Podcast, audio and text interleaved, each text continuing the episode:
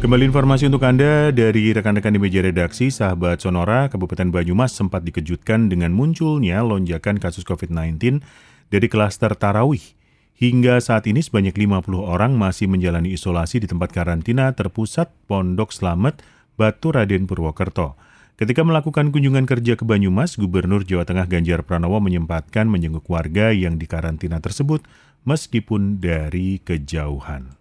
Ada klaster terawih, ada klaster keluarga, baru saja tadi ada yang masuk, maka kita titip pesan lah kondisinya masih labil begitu, maka masyarakat kita minta untuk jaga prokes lah. Tadi salah satu ketularan tidak tahu dari tetangganya, hanya sekedar main di rumah, dia tidak tahu ternyata positif. Simpel kan? Jadi urusan-urusan yang sering kali kita merasakan bahwa kiri kanan kita aman, tapi ternyata menularkan. Itu ada anak kecil loh ya, ketularan juga lima tahun. Jadi betapa kita mesti menjaga. Sementara itu Ganjar juga menghimbau masyarakat tidak menganggap remeh COVID-19 dan mengingatkan pentingnya menjaga protokol kesehatan.